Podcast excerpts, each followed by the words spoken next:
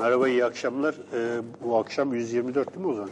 124. E, Kültür Tarih Sohbetlerinde Turan Turgut e, Beyefendi ile beraberiz. E, bu akşamki konumuz Alfa Tarih serisinden çıkmış olan e, bir kitap üzerine Osmanlı İmparatorluğu Posta Tarihi. E, kitabı şu şekilde göstereyim. E, oldukça hacimli, bol, bol görselli bir kitap. Turhan Bey e, zaten e, posta tarihi üzerine uzmanlaşmış e, birisi. E, Birçok uluslararası e, şeyde de organizasyonda da Genel. hem yönetici hem jüri üyesi olarak e, ülkemizi temsil eden e, birisi. E, özel olarak da posta tarihi üzerine e, çalışan e, birisi. Hocam öncelikle hoş geldiniz e, diyelim. Teşekkür ederim, hoş bulduk. Ee, bu güzel kitabı valla e, bir çırpıda okunacak bir kitap.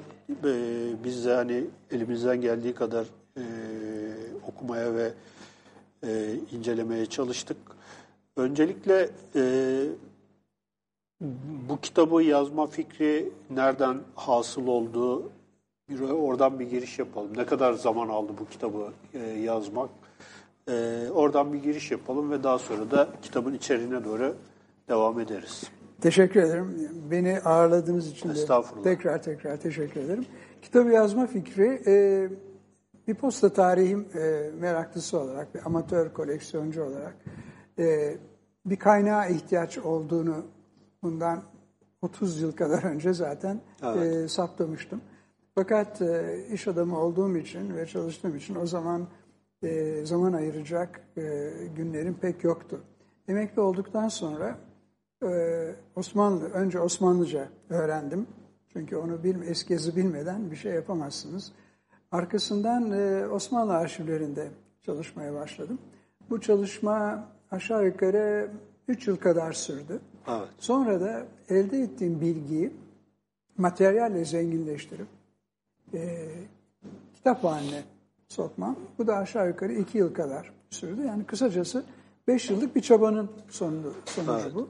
Yüzlerce belge taradım ve amacım e, Osmanlı İmparatorluğu'nda özellikle düzenli postanın başladığı 1840'tan başlamak üzere uygulanan tarifeler, e, her konuda ama yalnızca mektup e, e, için değil, e, havale, asker mektupları, işte koli gönderilmesi, tarifli mektup, aklınıza ne gelirse bunların hepsinin tariflerini buldum, e, çıkardım. Ve kısacası bu bir e, referans, bir kaynak kitabı olarak aslında ortaya çıktı Cengiz Bey. Evet. Dolayısıyla bunun hepsini e, okuyun diyemem size. Fakat baştaki e, 50 sayfalık kısmı, yani o, bu posta tarihini Osmanlılar'da nasıl gelişti posta kısmı, bence e, her düzeydeki e, tarih meraklısı için yeterli bir kaynak olacaktır. Evet. Zaten o kısmı büyük bir şeyle okuduk yani. O kadar hani akıcı ve ilginç e, bir şey vardı ki. İstersen sen devam et. Hocam e, bu 50 sayfalık kıs, kıs- kitap çok hacimli ama e, 50 sayfalık o giriş kısmını e, okuduktan sonra orada ikiye ayırıyorsunuz Osmanlı'da posta tarihini. Tanzimat öncesi ve Tanzimat sonrası. Tanzimat öncesine biraz e, bakabilir miyiz acaba? Anlatabilir Tabii, misiniz? tabii bakabiliriz. Bu ikili ayrımın nedeni gayet basit. Esasında 1840'tan başlayarak düzenli postaya geçilmiş olması ama düzenli postaya geçirirken de sivil halkın kullanabileceği, yararlandığı düzenli postaya geçilmiş olması e, anahtardır burada. E, aslında Osmanlılar'da e, posta neredeyse devletin kurulduğu günden beri olan bir şey. Fakat bu yalnızca e, devletin kendi yazışmaları için ulaklar işte ya da posta tatarı dediğimiz atlı e, taşıyıcılar vasıtasıyla e, taşınmış olan e, devlet yazışmalarından e, oluşuyordu. E, ama aynı zamanda e, özellikle İstanbul'un fethinden sonra yani 1453'ten sonra e, önemli miktarda yabancı e, tüccar bugünkü Galata'da yaşamakta olduğu için Fatih Sultan Mehmet e, bir ahitname dediğimiz bir e, belge yayınladı ve buradaki e, burada yaşayanlara e, serbest yaşama hakkını, serbest dolaşım hakkını ve aynı zamanda serbest haberleşme hakkını tanıdı. Dolayısıyla e, bir taraftan Osmanlıların kendi haberleşme sistemi varken öbür taraftan da e, 15. yüzyılın ortalarından başlayarak yabancılar da kendilerine göre bir e, yazışma, haberleşme e, ağı içinde geliştirdiler ticaretlerini. E, 1840'ta ise fakat aslında yine bir adım geri atıp şunu söylemem lazım. E, yabancı postanelerin yani düzenli hizmet veren yabancı postanelerin varlığı Osmanlıların düzenli postaya geçmesinden çok önce başlamıştır. Bunu Evet. e, e, 1718'de Avusturyalılarla e, Avusturya Savaş'tan sonra Pasarofça'da bir anlaşma imzalandıydı. Bu anlaşmanın maddelerinden bir tanesi de bu posta hizmetinin daha doğrusu sefaretler arası kurye hizmetinin e, kurulması ve güvene alınmasıyla ilgili e, bir e, hüküm içeriyordu. Ve 1746'dan itibaren e, Avusturyalılar e, düzenli posta hizmeti vermeye başladılar. Evet. Bu önceleri e, iki başkent arasındaydı. Fakat daha sonra sayıları e, en sonunda 78'e kadar çıkan post, kendi postahanelerini açtılar Avusturyalılar. Avusturyalılar.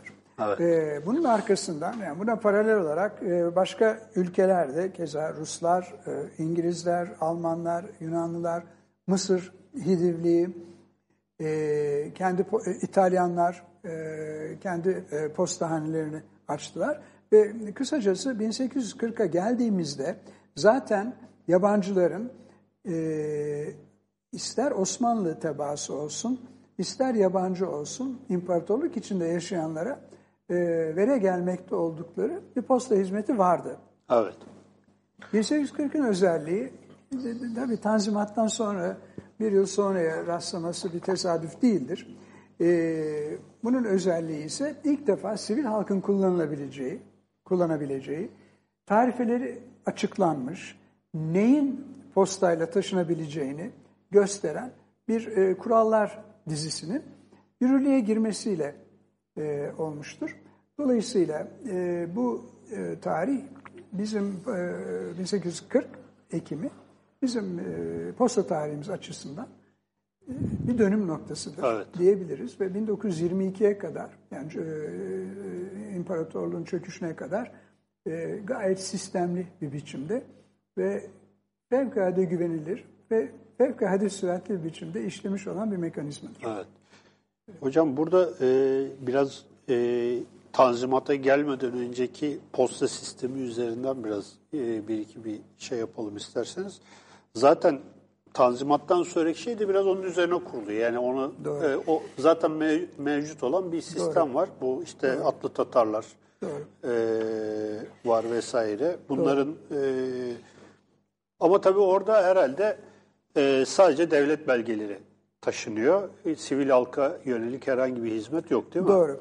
Sivil hakka e, yönelik bir hizmet yok. De, bel- devlet belgeleri de bir de şunu unutmamak lazım. E, okuma yazma oranı da imparatorlukta çok düşüktü. Bunu da unutmamak lazım. Ama e, kaynaklara baktığımız zaman ilk defa e, Kanuni'nin vezirlerinden e, Lütfi Paşa'nın Paşa, evet. E, Asafname diye emekli ayrıldıktan sonra yazdığı bir e, hatıratı var. Evet. E, adına Asaf, Asafname demiştir. Bizim e, bizde yayınlanmış olan, e, bugünkü dile de çevrilmiş olan bir belgedir bu aynı zamanda. Orada ülkenin çeşitli yerlerinde e, beygirlerin e, bulunabileceği bir menzil sistemini kurduğunu anlatıyor Lütfi Evet. Paşa. Menzil sistemi e, dediğiniz gibi son derece isabetlidir söylediğiniz.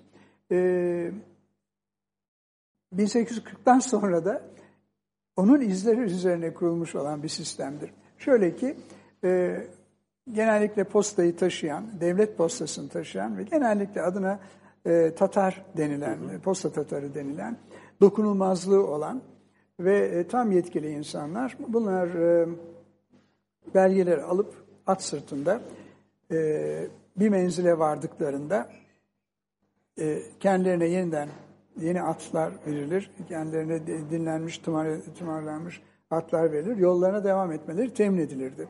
Bu e, bu hizmeti veren yerel halkı ise bazı imkanlar sağlanmıştı. Onlar mesela belli vergileri vermekten muaf tutulmuşlardı. Eğer e, Hristiyan tebaadan bahsediyorsak e, Pençoğlan'ı ya da, ya da Yeniçeriler için çocuk erkek çocuk vermeli, vermelerinden muaf tutulmuşlardı. Kısacası e, böyle işleyen bir sistem vardı ve bu sistemin bu menziller e, Rumeli'de ve Anadolu'da e, her iki tarafta da ikişer koldan e, gidilen ve işte belli aralıklarla bu hizmetin verildiği e, bir e, yol ağıydı diyelim.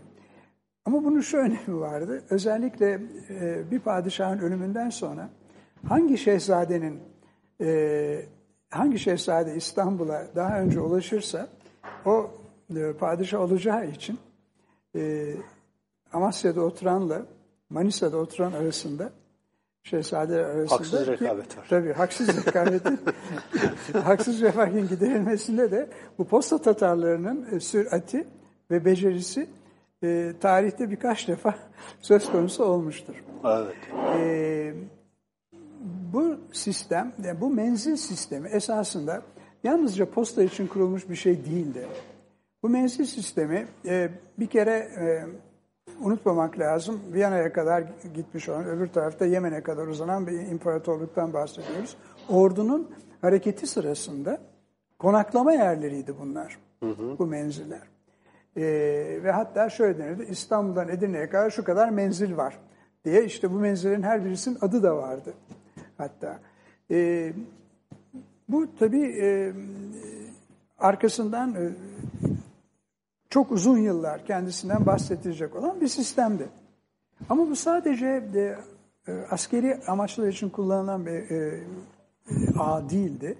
Mesela hacca gidenler için özel bir e, Mekke ve Medine'ye kutsal topraklara kadar uzanan özel bir menzil sistemi vardı. E, hatta hacca gidip gelenleri işte sağ salim döndüklerini önceden haber alıp dört nala İstanbul'a gidip müjdeciler dediğimiz insanlar vardı. İşte işte işte sen amcan baban hacdan dönüyor vesaire haberin olsun deyip bunun karşında da kendilerine küçük bir bahşiş vermesini isteyen müjdeciler bile vardı. Kısacası 1840 öncesi etkili bir e, menzil ağı ve bir e, posta ağı zaten vardı. Ama dediğim gibi bu e, sivil halk tarafından kullanılmayan bir ağdı. Evet. Hocam peki Tanzimat sonrası özellikle bu e, sivil e, halkın da postayı kullanması e, toplumun e, toplumda farklılık yarattı mı acaba? Çünkü öncesinde normalde sivil halk kullanmıyor. E, sizin söylediğiniz gibi. Ama sonrasında sivil halk kullanmaya başlıyor. Bu bunun böyle bir e, ekonomik, e, kültürel bir yansımasını görebiliyor muyuz? Tabii. Tabii. Fevkalade e, etkili bir biçimde yansımasını görüyoruz. E, belki biraz sonra ondan görsel olarak da bahsedeceğiz. Bu e, bir kere ticaretin gelişmesinde e, bu posta sisteminin çok büyük rolü oldu. E, para hareketinde çünkü belli bir yıldan sonra havale kabul edilmeye başlandı. E, Hatta e, para nakli bu posta sisteminin içinde mümkündü. Dolayısıyla e, sadece iş sadece ticaretin gelişmesi değil, aynı zamanda hizmetin de yani mesela doktorların kendileri için verdikleri hazırladıkları kartları postayla dağıttıklarını keza görüyoruz. Yani bir taraftan ticaret, bir taraftan hizmeti de çok ciddi biçimde e, etkiledi ve geliştirdi. Ayrıca e, demiryolunun, demiryolu alanında önce e, işte İzmir-Aydın Demiryolu'nun 1866 açılması ve onun arkasından e, e, Köstence Demiryolu, onun arkasından Orient Express'in İstanbul-Viyana arasındaki düzenli seferi, arkasından 1906'da e, Hicaz Demiryolu'nun açılmış olması e, hepsi, bunların hepsi e, postayla postanın hareketini ve postanın hareketine paralel olarak da sosyal hayatın e, ve ekonomik hayatın ve hatta eğitimin e, gelişmesini doğrudan doğruya etkileyen unsurlardı. Evet. Şimdi e, ilk e, bu postanelerin kurulması İstanbul Edirne arasında oluyor herhalde değil mi? Evet. E, bu bu süreç nasıl örgütleniyor? Yani mesela e, o postaneler nasıl kuruluyor? E, o sistem fiyatlandırma nasıl oluyor? E, ilk pullar nasıl ne zaman şey yapıyor? Biraz onlara da artık yavaş yavaş girelim. Tabii. Ee, en başta İstanbul dışında, İstanbul'da postahane amire kuruldu. Aslında bu posta için yapılmış bina değildi. Bugün maalesef yok o bina. Ee, Sirkeci'de İş Bankası'nın Evet. müzesi vardır. Evet. Onun bulunduğu yerdeydi. Ciziyehane denen esasında bir vergi dairesiydi orası. Evet. Fakat bunu e, postahane amire olarak yani e, e, ilk Hiç postahane fotoğrafı falan da yok değil mi hocam? Efendim? Hiç fotoğrafı falan yok o binanın var mı? Fotoğrafı bir pulun üzerinde. üzerinde var, bir evet. Pulun üzerinde. Kitapta bunu görmek Evet, mümkün. değil. gördüm. Pulun üzerinde bir e, gravür olarak bu var ama bir fotoğrafı maalesef yok. Evet. E, önce burada başladı. E, post ve tabii çeşitli problemler ortaya çıkıyordu. Bir tanesi mekan. Yani postahaneyi nereye kuracağız? Genellikle devlet dairelerinin bir odasını, bazen iki odasını, bazen de bir katını e, yerin büyüklüğüne göre postahane olarak kullanmaya başladılar. Ama asıl problem e, oranın müdürü olarak kimi atayacağız problemiydi. posta müdürü. Çünkü tabii yani posta eğitimi görmüş, e, zaten bürokratlar içinde e, işte eğitimiz eğitim düzeni ne olduğunu biliyoruz. Dolayısıyla bu bu tür e, atamalarda büyük sıkıntı çekildi. Hatta bazı yerlerde e, orada kimse e, mesela e, mülki olarak en e, yüksek rütbeli devlet memuru kimse bir süre posta müdürlüğünü bu insanların devrede ettiğini bile görüyoruz. Kaymakam mesela posta müdürü Yani bir oluyor. süre bir süre bunu devlette ettiklerini görüyoruz. Fakat e, tarifeye gelince e, şöyle yaptılar. E, saat bir e, bir saatlik mesafeye 3 dirhemlik bir mektup. Yani 3 dirhem aşağı yukarı 10 grama yakındır. 10 gram. Bugün evet. Bir mektup bir saatlik mesafeye bir paraya taşınıyordu. 10 gramlık bir mektup bir e, saatlik mesafe bir paraya taşınıyordu. Dolayısıyla e, imparatorluk içinde ki yerleşim merkezlerinin hepsinin e, İstanbul'a dünyanın merkezi olan o zaman İstanbul uzaklığı her şey İstanbul'a uzaklıkla ölçülürdü. İstanbul'un uzaklığını e, gösteren haritalar e, zaman içinde postahanelerde e, belli bir bedel karşılığında satılmaya başlandı. Dolayısıyla siz bir mektubu yazdığınızda nereden nereye kaça gideceğini en baştan bilerek postahaneye gidiyordunuz. Burada bir örneği de var hatta Yanya'dan İstanbul'a Evet. 180 para yani 4 kuruş 20 para oluyor. Çünkü Yanya'dan İstanbul arası 182 saatmiş o zaman. 82 saat olduğu için. E, Bursa İstanbul mesela 30 para çünkü 30 Evet, saatte 30 geliyormuş şey. Biraz sonra Ee, zaten e, zaten bunlardan bahsedeceğiz bu görsellere baktığımız Bu zaman. şeydeki kullanılan artık şeyler yok herhalde. Atlılar falan değil de arabalar mı yoksa Hayır, post- hala hayır, hayır. Posta Tatarları, hala kullanılıyor? posta Tatarları. Fakat şunu da biliyoruz. e, özellikle mesela İstanbul-Edirne arasındaki e, trafiği düşündüğünüz zaman orada bir Tatar'ın hatta e, Bağdat postasını düşünün. Bir Tatar'ın e, taşıyacağından daha fazla materyal varsa bunun için posta arabaları kullanılıyordu. E, hatta ben arşivlerde yaptığım araştırmalarda şunu da gördüm. Mesela filanca posta Tatarı özel eşyasını taşımaktan suçlu bulunmuş e, devletin arabalarında. Bu vardı. Sonra bir yerde eşkıya posta arabasını soymuş. Bu da keza bizim arşivlerimizde de Osmanlı arşivinde yer alan, yer alan şey, konular arasında vardı. Ama şimdi onlara pek e, girmeyelim. Aslında e, at üstünde gitmekle birlikte durumun e, e, yoğunluğuna göre, postanın yoğunluğuna göre posta arabaları da kullanılıyordu. Az önce söylediğiniz gibi ilk başta İstanbul'la Edirne arasında başladı bu. Çünkü zaten 1840 öncesi bir iki teşebbüs olmuştu. İstanbul'la Edirne arasında yol düzeltildi. İşte arabaların geçmesine müsaade, müsaade edecek şekle getirilmeye çalışıldı vesaire. Dolayısıyla İstanbul'la Edirne arası 44 saatlik bir mesafedeydi. Hı hı. Ve e, e, bu yol boyunca da 2-3 tane e, postane açıldığını biliyoruz. Ama onun hemen arkasından büyük şehirler, e, mesela Bursa, e, Selanik gibi büyük şehirlerde de birer ikişer postane açılma başlandı. Öyle ki e, imparatorluk boyunca açılan kapılan, e, kazanılan, kaybedilen topraklar vesaire bu şekilde düşünecek olursanız 3500 civarında e, postahane açıldı ve kapandı. Hatta bu çok büyük bir rakam. Çok büyük bir rakam. Bir de şundan bahsetmek Tabii isterim. Mesela da çok büyük de.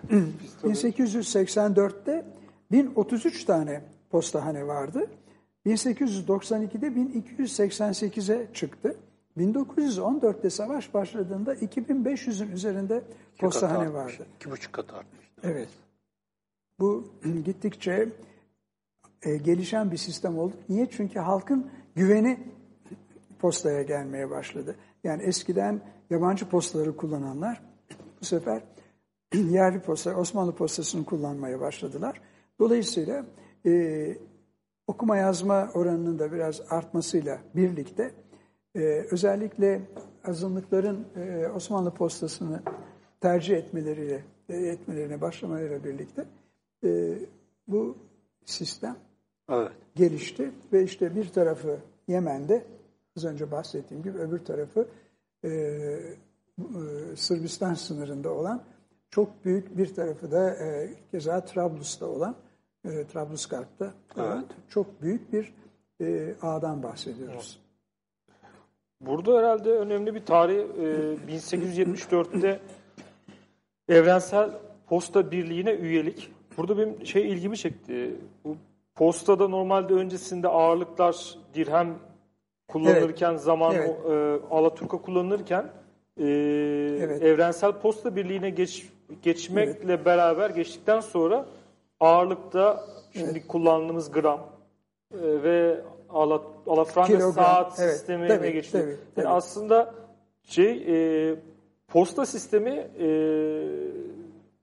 e, yani Avrupa ile e, önde giden Avrupa ile bir e, entegrasyonda daha e, önden gidiyor. Yani mesela Türkiye'de ağırlığın kabul edilmesi yani kilonun işte gramın kabul edilmesi biliyoruz ki Cumhuriyet devrimiyle devrimlerle gerçekleşen şeyler ama e, bundan yaklaşık 50 sene önce e, posta sistemi içinde e, gram kabul ediliyor ve e, alafranga saat kabul ediliyor. Bunu biraz bunun etkileri üzerinden tabii, tabii. konuşabilirsek. E, Dünya Posta Birliği, Evrensel Posta Birliği bu e, insanları dünya ülkelerini birbirine birbirine yaklaştıran e, ve e, bugünkü haberleşme sisteminin temelini teşkil eden çok ciddi bir girişimdir.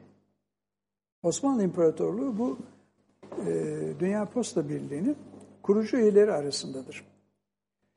E, az önceki sorunuza bir e, cevap vermeyi unuttum. E, ilk posta pulu da bizde 1863'te çıkmıştı. Evet. Onu da sordunuz.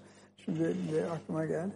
E, dolayısıyla e, Osmanlıların bu batıyla entegrasyonu söz konusu olduğu için yani ticaret gelişiyor, işte e, seyahat gelişiyor. Bütün bunlar olurken e, herkesin anlayabileceği, herkesin üzerinde mutabık olabileceği bir fiyat fiyatlama sisteminin, tarife sisteminin e, anlaşılması ve üzerinde uzlaşılması açısından bir kere çok önemli bir rol oynadı Dünya Posta Birliği, Evrensel Posta Birliği.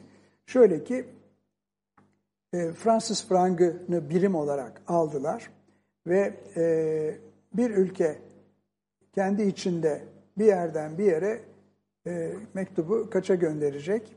Bunu sabitlediler. Bu Osmanlı İmparatorluğu için de sabitlendi, Amerika için de sabitlendi, İngiltere için de sabitlendi. E, ve keza yurt dışına bir mektup kaç liraya gidecek? Bu da sabitlendi. Dolayısıyla herkesin bir kere anlayacağı bir sistem, bütün ülkelerin anlayacağı bir sistem kurulmuş oldu. Ama öbür taraftan tabii bizim e, e, Avrupa'ya göre e, onlara yabancı, onlara ters gelen, yabancı gelen bir e, parçamız yazı, eski yazıydı. Eski yazı e, Osmanlıcayı Arap harfleriyle biliyorsunuz kullanıyorduk. E, Osmanlıcayı okumaları mümkün olmadığı için bizden bir kere e, kullandığımız damgaları Latinize etmişler. e, yarısı Osmanlıca eski harflerle yarısı Fransızca adının Latin harfleriyle yazılması şeklinde olmasını istediler ve biz buna çok büyük ölçüde uyduk. Eşit derecede e, artık yavaş yavaş e, ağırlık ağırlık e, ağır mektuplar ondan sonra e, koliler gidip gelmeye başladığı için bunun okkayla dirhemle e, ölçülmesi çok büyük zorluk çıkardığı için biz gramı ve kilogramı da Dünya Posta Birliği'ne girmekle birlikte kabul etmiş ve uygulamış olan bir devletizdir. Evet. Hocam bu e, şimdi bir yandan sizi dinliyorum, bir yandan da buradaki şeylere bakıyorum, damgalara bakıyorum. Hepsi birer sanat eseri. Bu damgalar üzerine ayrıca bir konuşalım. Sanki puldan daha önemli bu damgalar gibi. Mesela işte burada Andri Andrinop yani Edirne işte e, şeyde bu Bursa, Bur Bursa'ya diye yazmış. Beylerbeyi var, Pangaltı var vesaire. Bir de tabii daha e, eğlenceli kısmı şu. Mesela tılsımlar var zarfların üzerinde. Yani bu mesela gündelik hayatta hem Hristiyanların yani diyelim bir Müslüman Hristiyan'a gönderiyor veya bir Hristiyan Müslümana gönderiyor. Bunlar e, o haber selametle gitsin gelsin diye böyle bir takım tılsımlar yapmışlar. Yani bu sosyal tarih, gündelik tarih açısından da aslında bu mektuplar ciddi belgeler yani değil mi? Tabii, tabii olmaz olur mu? Tabii. Ee, yine birazdan görsel olarak e, baktığımızda bir kere Osmanlı İmparatorluğu'nun diğerlerine göre çok büyük bir e, farkı e, etnik Çeşitli. çeşitlilikti. E, etnik çeşitlilik ve e, kültürlerin birbirinin içine girmiş olması da keza kendisini çeşitli şekillerde gösteriyordu. Mesela az önce bahsettiğiniz e, tılsımlar doğru. Bir mektubu yazdığınız zaman postahaneye götürmeden önce e, genellikle üç tane tılsım uygulanıyordu. Bir tanesi mektubun en üstüne yazılan bimeni teala şeklindeki bir e, yani Allah'ın yardımıyla e, e, deyimiydi. Ondan sonra mektubun ortasındaki bir yere rakamlar yazılırdı. 8, 6, 4, 2 şeklinde. Ve bir de böyle bir karalama yapılırdı. Evet. Yani O yol dolansın işte- yerine ulaşsın Evet, gibi bir şey yani var. Şeyden bilirsiniz, kitaplarda da kebikeç diye bir Ya, şey var. Ya kebikeç. Siz söyleyince evet, benim de aklıma. Kebikeç'in, ya kebikeç işte kitabımı ama yeme. Evet. bir e, posta, postaya uygulanmış halidir. E, Bu e, tılsımlar.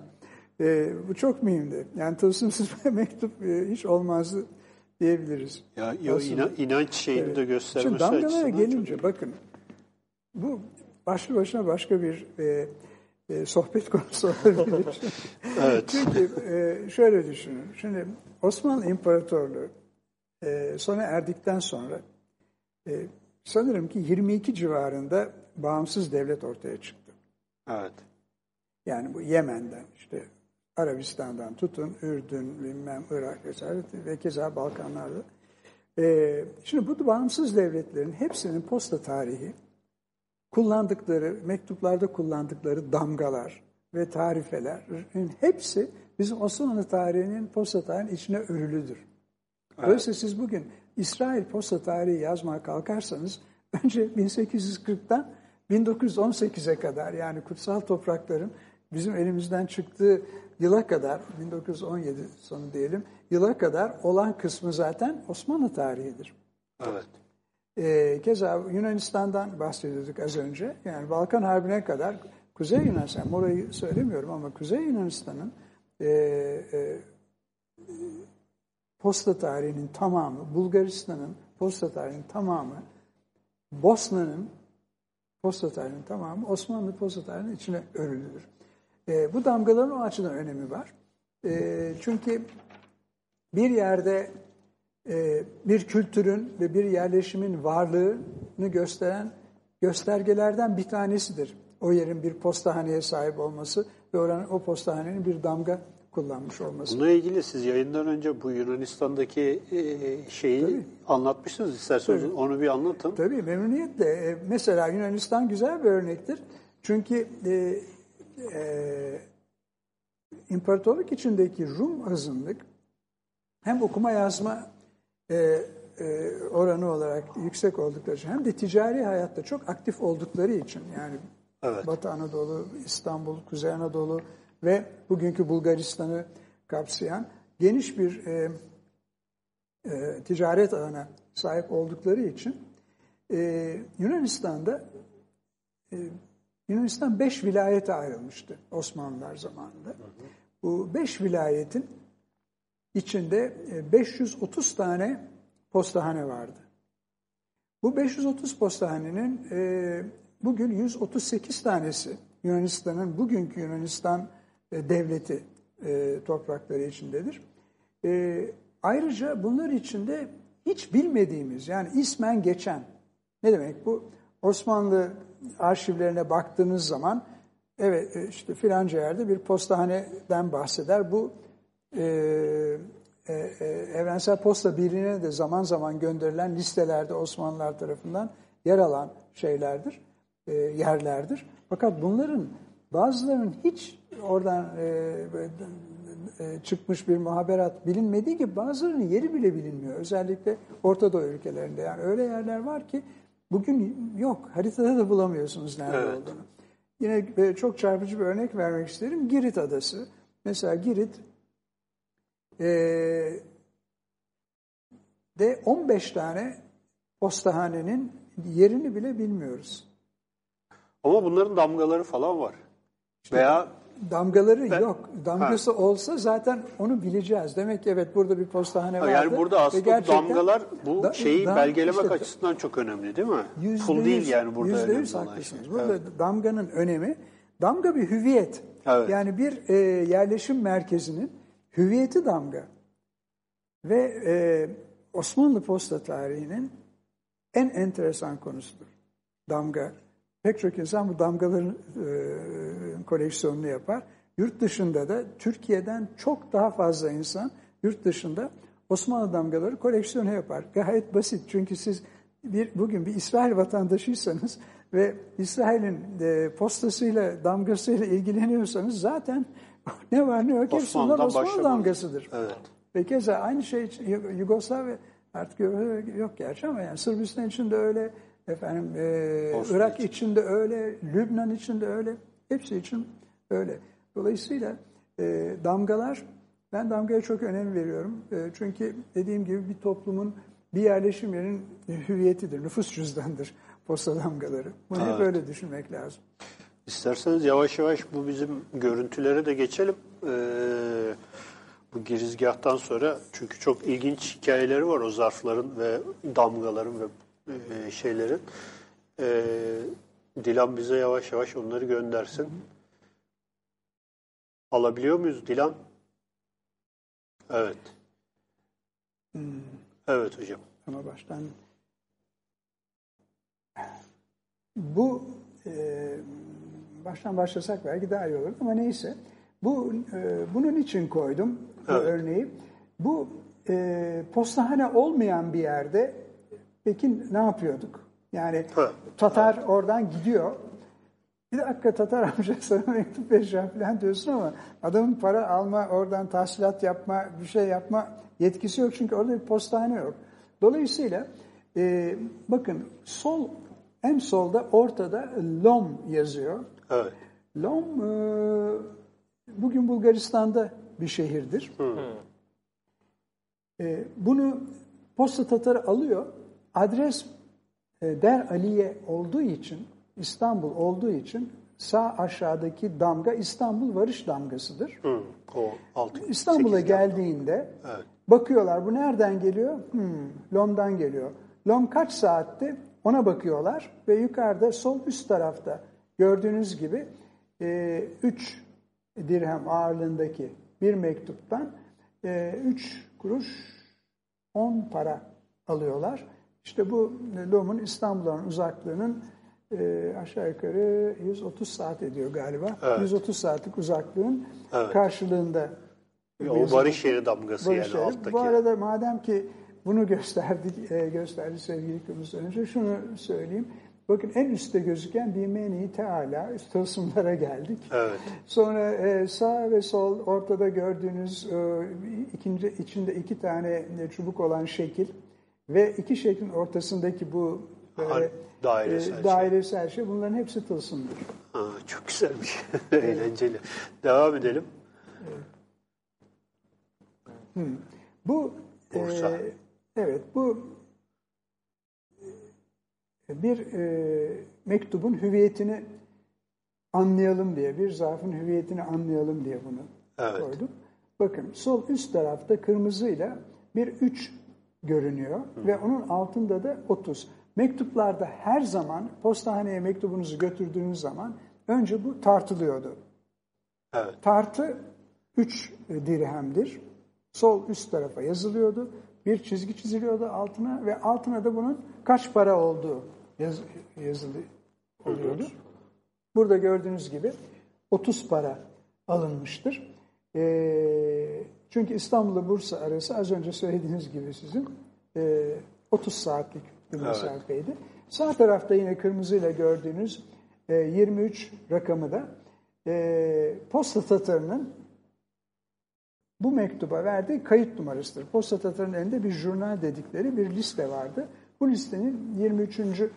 E, satırında yazılı olan, kaydedilmiş olan bir mektup. Yani her şey zaptı rapta alınıyordu. Bu taahhütlü falan değil. Bu normal bir mektup fakat devlet... Bu evet, jurnaller de mektup- çok önemli değil mi hocam? Tabii. Yani Çok, çok önemli. Çünkü o da devletin namusu.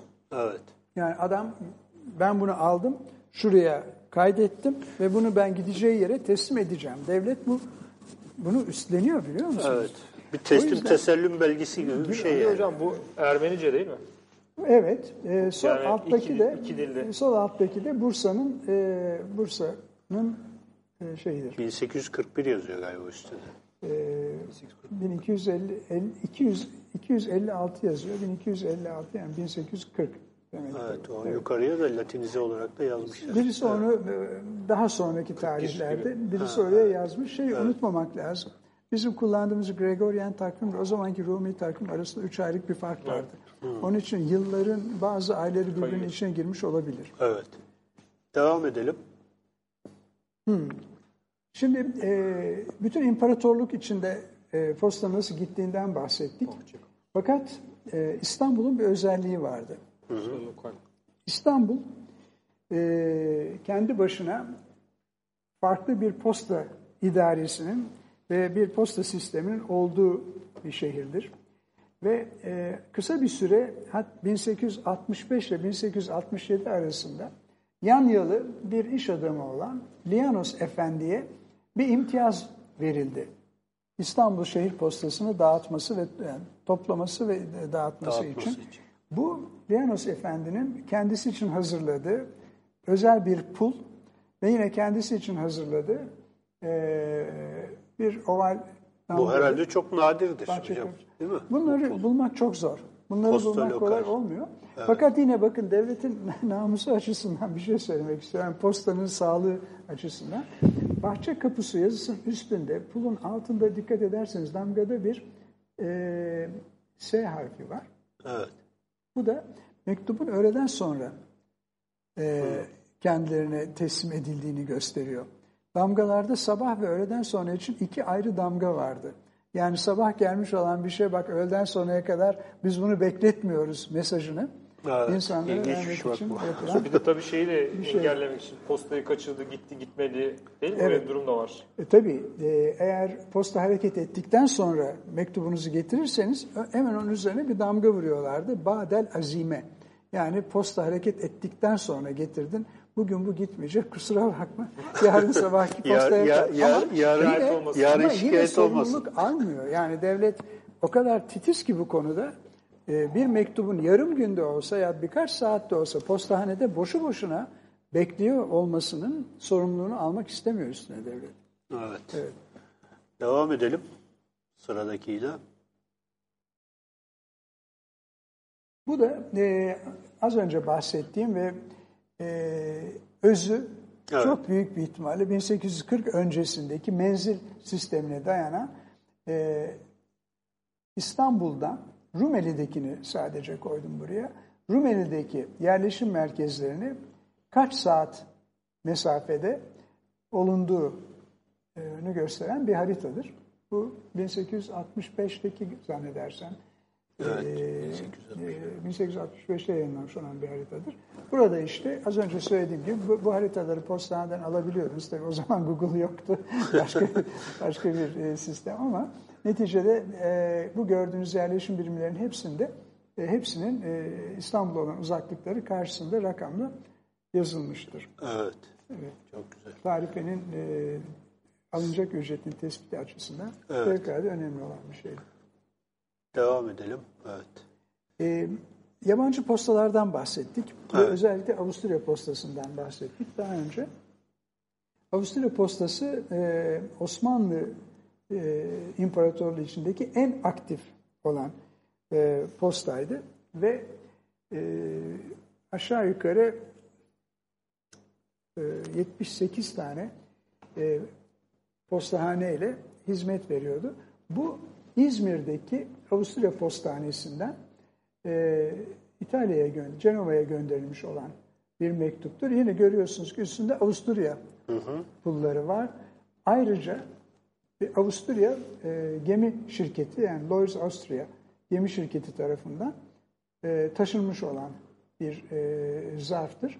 Bu da Osmanlıların, e, Osmanlı İmparatorluğu içinde yabancıların ne kadar aktif bir şekilde kendi Evet. postalarını kullandığını gösteren e, güzel bir belgedir diye düşünebiliriz. Evet. Devam edelim.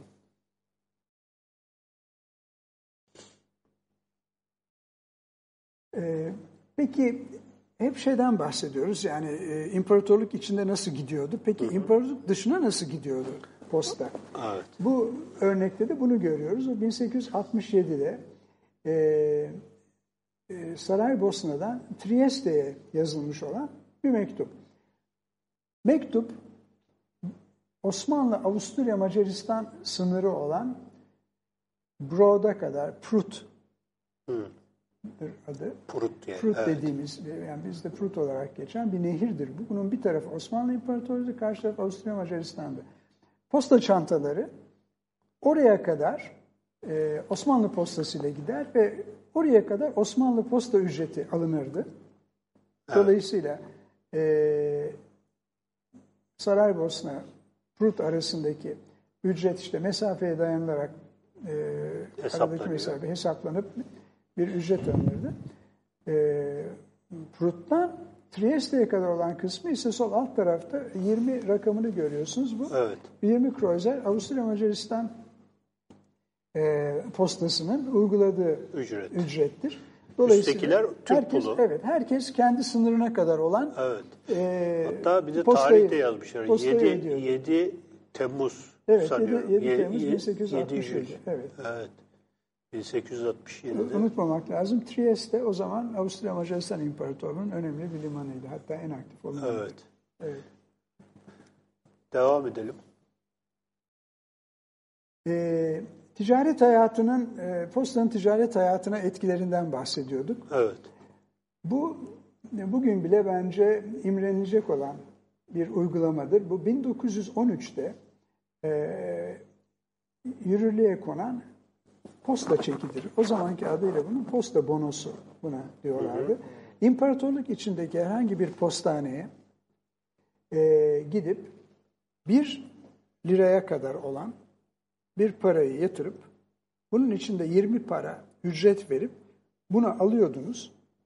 İmparatorluğun herhangi bir postahanesine götürüp paranızı nakit olarak oradan alabiliyordunuz. Dolayısıyla seyahat ediyorsanız, diyelim ki İstanbul'dan Yemen'e gidiyorsanız yolda soygun vesaire böyle şeylerden korunmak için e, paranızı bu şekilde yapardınız veyahut da insanlar arası e, Ödemelerde. ödemeler, ödemelerde kullanılan bizim bugün posta çeki dediğimiz sistem 1913'te Osmanlılar tarafından yürürlüğe konmuştu. Dediğim gibi 20 para veriyordunuz.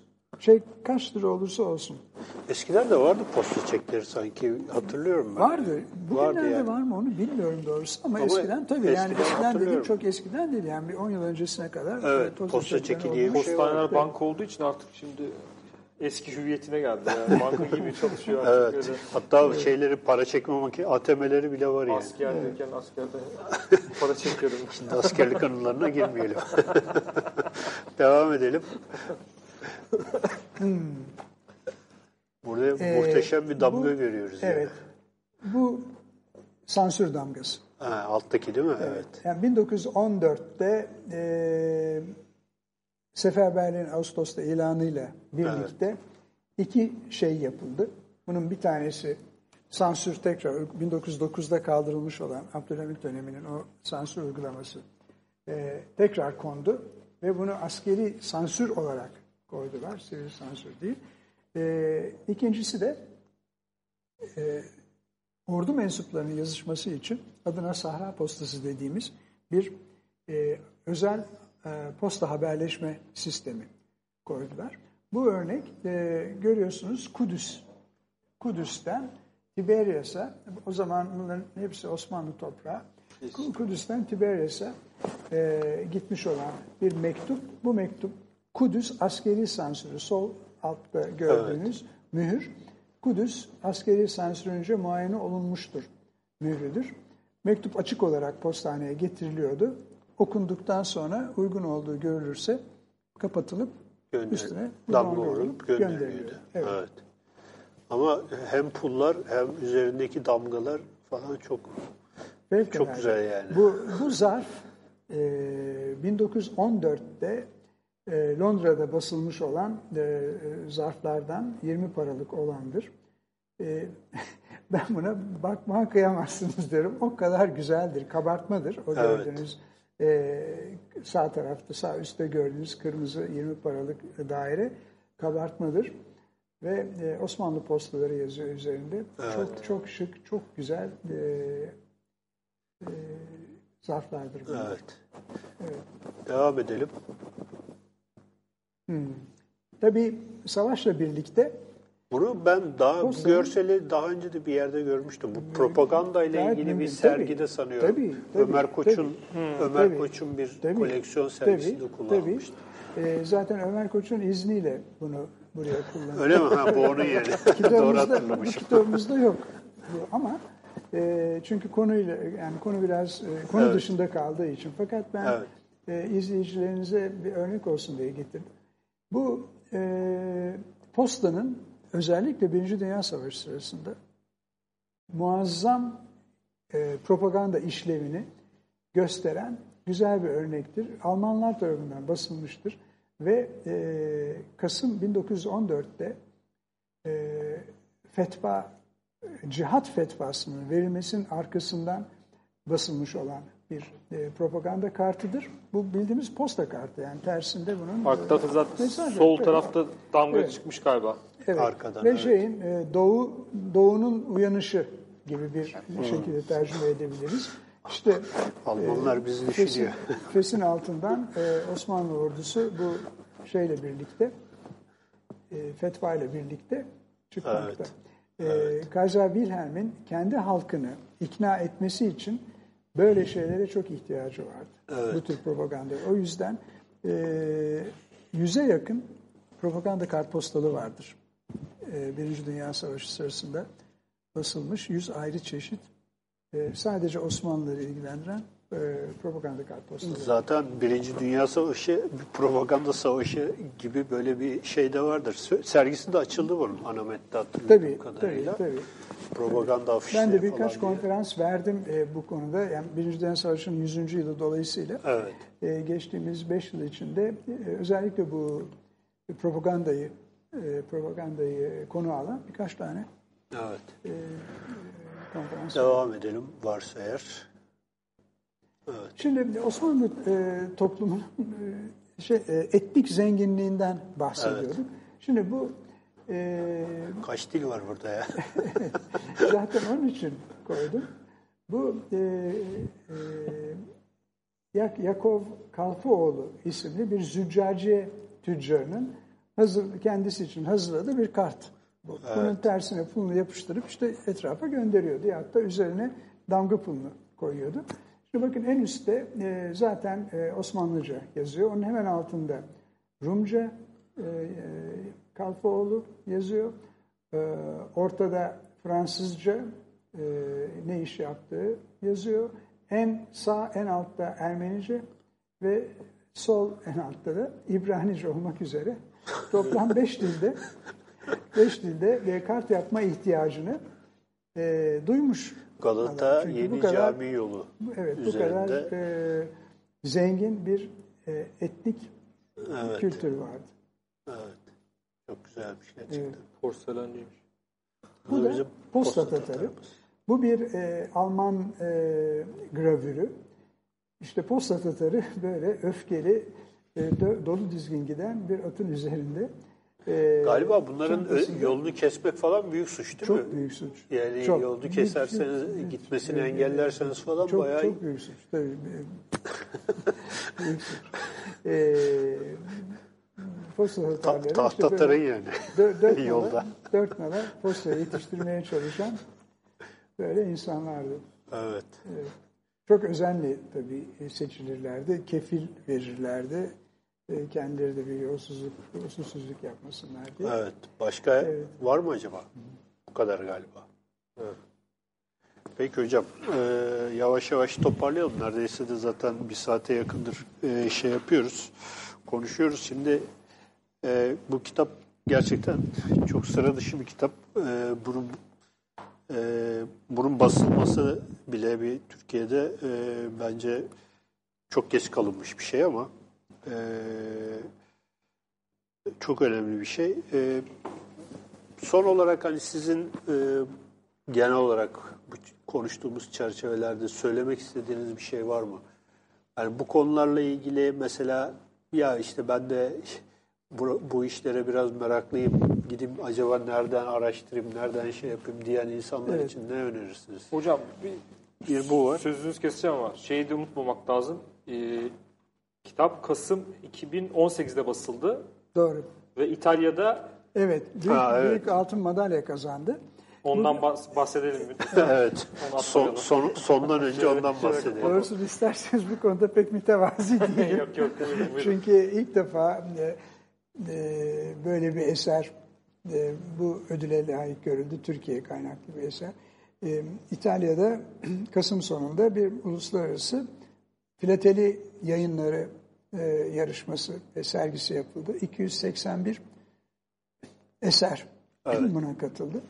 Bu 100 üzerinden 95 puan büyük altın madalya aldı. Bu Türk yayın hayatı için ve Türk filatelisi için çok büyük bir şereftir. Bunun e, dediğim gibi bu konuda hiç mütevazi değilim. O zaman bu kitabı hepimizin- imzalattık da gözümüz gibi saklıyoruz. O zaman hepimizin, tamam mı? hepimizin gurur duyması Yastığın lazım. altında saklayacağız Şimdi yani. araştırma yapmak isteyenler varsa e, aslında biraz sabırlı olmak lazım. Sebebine gelince bu e, kitap çıktıktan sonra şöyle bir adet vardır. Eğer e, Osmanlı arşivlerinden, devlet arşivlerinden başbakanlık yararlandıysanız eserinizden bir tane oraya götürüp verirsiniz. Ben de onların e, kopyasını vermeye gittiğimde tabii çok memnun oldular bunun çıkmış olmasına. Fakat şunu da söylediler, e, posta nezaretinin arşivlerini dijitalleştirmeye başlıyoruz. Bir buçuk milyon e, belge var dediler. Ve bunları dij- dijitalleştirmeye başlayacağız dediler. E, bu da tabii e, büyük bir e, gelişme olacak. Fakat benim kanaatim e, bu kitabın içinde yazılı olan e, ne kadar tarife varsa bence hemen hemen eksiksiz ve yüzde yüz doğrudur. Çünkü sadece bir tarifeyi bulmakla kalmadık. Türkiye'de ve dünyanın e, dört bir yanındaki e, dostlarımızın verdikleri e, bu materyaller sayesinde bir tarifenin uygulandığı yıllar boyunca her yıl için bir örneğini buraya koyma imkanı bulmuş olduk. Bunun içindeki 530 resmin e, çok büyük bir kısmı benim e, az önce söylediğim gibi Türkiye'de ve dünyadaki e, filatelist arkadaşlarımdan gelmedir. Onlara ne kadar teşekkür etsem azdır onlar olmasa zaten bu, bu zenginlikte olmazdı. Evet. zaman. Yavaş yavaş toparlayalım. Bu arada Mustafa Küpüşoğlu'na da teşekkür etmek istiyorum. Evet. Sağ olsun e, kitabı lütfedip gönderdi. Evet. Program için. Aynı zamanda bas, basmak da bir e, şey yani bu, bu, bu kadar kaliteli basmak da başlı başına bir iş. Fevkalade. Ee, kendisine buradan Alfa Yayın Evi'nin, selamlarımızı Alfa Yayın Evi'nin bu konudaki vizyonunu çok takdir etmek lazım. Evet. Evet. Hocam çok teşekkür ediyoruz. Böyle keyifli bir e, program oldu. E, biz benim de e, başka e, sahiplerle ilgi duyduğum bir alan. Pilatesler beni, pek bu yüzden sevmezler yani. Hayırdır? ben onları kesiyorum daha çok. hayır, hayır kesmeyin. sakın. Kolay kolay molay Hayır, yapıyorum. yapmayın çünkü Yok yenileri yapıyorum, eskileri yapmıyorum hocam.